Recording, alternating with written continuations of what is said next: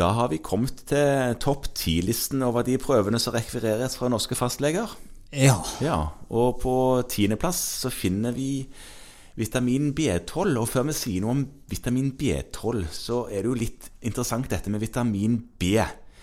Fordi eh, opprinnelig så var det bare ett. Og så har evolusjonen eh, gått, da. Man har funnet flere og sånne ting. Og så til slutt så fant man at nei, men disse to er jo like. Så det stemmer jo ikke. Det kan ikke være en vitamin B sånn og B sånn. Så akkurat nå så er det jo faktisk sånn at man har bare vitamin B1, B2, B3, B5, B6, B7, B9 og B12. Så Ja. det er ikke en B12 opp til Nei, det er ikke en B10. For det, det fant jeg ut, nei, det, det er jo ikke et vitamin B i det hele tatt. Så Nei. Det er litt grann kaos, og helt rett hvis den lurer på hvorfor jeg ikke kan finne på apoteket tilskudd av vitamin B4. For det Ja. finnes ikke. Nei. Men det var en lang intro til eh, B12, som òg kalles kobalamin. Ja. Ja, Og hva er Er, dette, er det da? fortjent, da? At man er- B12 er her oppe? Ja. På topp 10-listen? Ja. Nei, jeg syns vel eh, kanskje ikke det. Nei, Eller, altså al- altså, det er jo en prøve som tas Ja, det skal jo du fortelle om. Hvorfor tar man dette, da? Det er jo en del indikasjoner. Det er en del indikasjoner. Ja. Men tenker nok at det er en prøve som har fått litt høy kobling til det å føle seg trøtt og slapp. Og nå skal vi ikke på en måte lage et problem utover at folk føler seg trøtt og slappe, for det gjør man jo, og man skal utrede grunner til det. Og noen ganger er det jo lavt B12.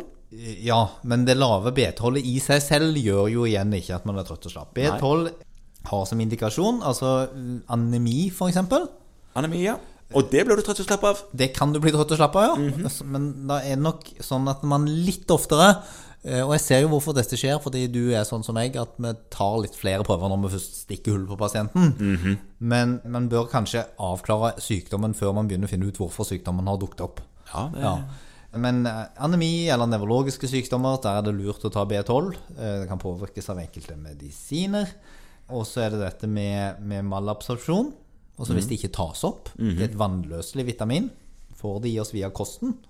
Og og da kommer det siste, og det er da disse her som spiser litt spesielt. Jeg har et begrensa kosthold. Ja. ja eh, Holde seg unna f.eks. kjøtt, Ja. tenker du. Fisk og egg og melk. Ja, altså så hvis- vegetarianere. veganere særlig. Veganere særlig, ja. Mm. Ja. Vegetarianere klarer seg ganske bra. Nå skal ikke vi sitte og påstå at veganere klarer seg dårlig, det tar seg dårlig ut, men de Ja, må, men de kan få utfordringer her med de må i hvert fall mangeltilstander. være kjempenøye med, med å få i seg nok B-vitaminer. Ja. Og da B12. Normalområdet det er da på 170 til 650 pikomol per liter.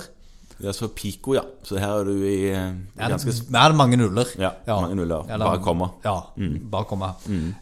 Og, og så er det sånn at det er litt sånn rom for fortolkning her. Fordi at eh, hvis man ligger i Har symptomer, Ja. eh, og da tror jeg man på en måte skal være litt sånn kritisk til at man bare føler seg slapp. Men hvis man har en eller annen sykdomstilstand, så er det sånn at en ver- verdi under 100 da kan man være rimelig sikker på at det er en reell mangel. Og opptil 150 så kan det være en mangel. ja. Ja. Og mellom 150 og 200 så er man oppe i et sånt grenseområde. Ja. Og Da snakker man vel om at hvis man finner en sånn verdi, så kan man med fordel behandle de opp. Ja. Ja.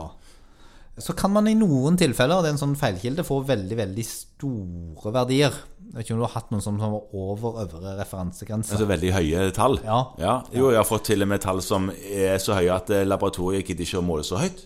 Nei. Ja, At det Eh, bare står at det er over 1400, f.eks. Ja, og det er i hovedsak to grunner til det. Det ene er at du har tatt prøven rett etter at du ga en sprøyte i baken. Med vitamin B12? Ja. Nei, det er jo Ja. Da, da får man veldig høye verdier. Du kan jo liksom godt måle hvor mye vitamin B12 det er i vitamin B12-sprøyten. Det er mye. Mm. det er mye, ja. Men så er det også en tilstand som man kan være klar over, og det er altså da noe som heter en sånn makroform av vitamin B12, der det da er eh, bundet til noen immunoglobuliner. Ja, så store uh, proteiner i blod. Ja. ja. Eh, Og da blir det kjempetungt og svært, og da måles som et svært volum i, i Oi, sånn. disse maskinene. Ja, altså Maskinen feiltolker hele klumpen som B12? Ja. Å ja. Og det kan man jo ikke gjøre noe med, men det er en feilkilde som kan være grei å, å vite om. Ok. Ja. Og så kan vi jo minne om nå Husker du hvordan B12 tas opp? Ja, ja. Dette husker jeg faktisk. Fordi det bindes i tarmen til et protein, og det er det komplekset av B12 og dette proteinet som tas opp. Ja. Det heter intrinsic faktor. Ja, Ja. det gjør det. ja.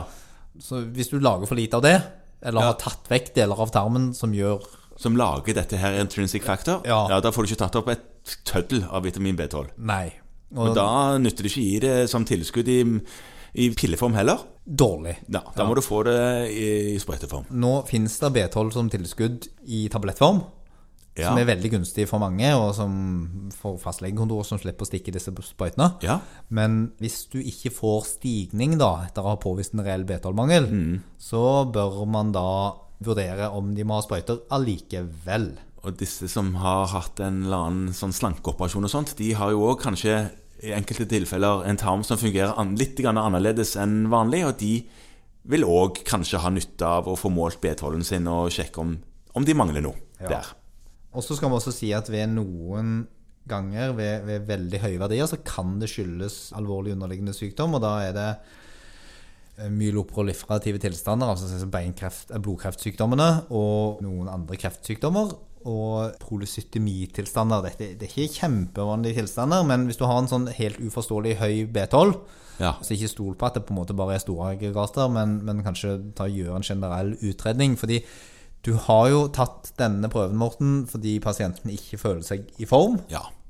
Det Eh. var grunnen. Og da, da må du koble det sammen med sykehistorien og alle de andre prøvene dine. Ja. Og det du mistenkte, var en veldig lav B12, og hvis den kommer tilbake kjempehøy, så kan det være at du bør undersøke for annen type sykdom. Ikke sant? Ja.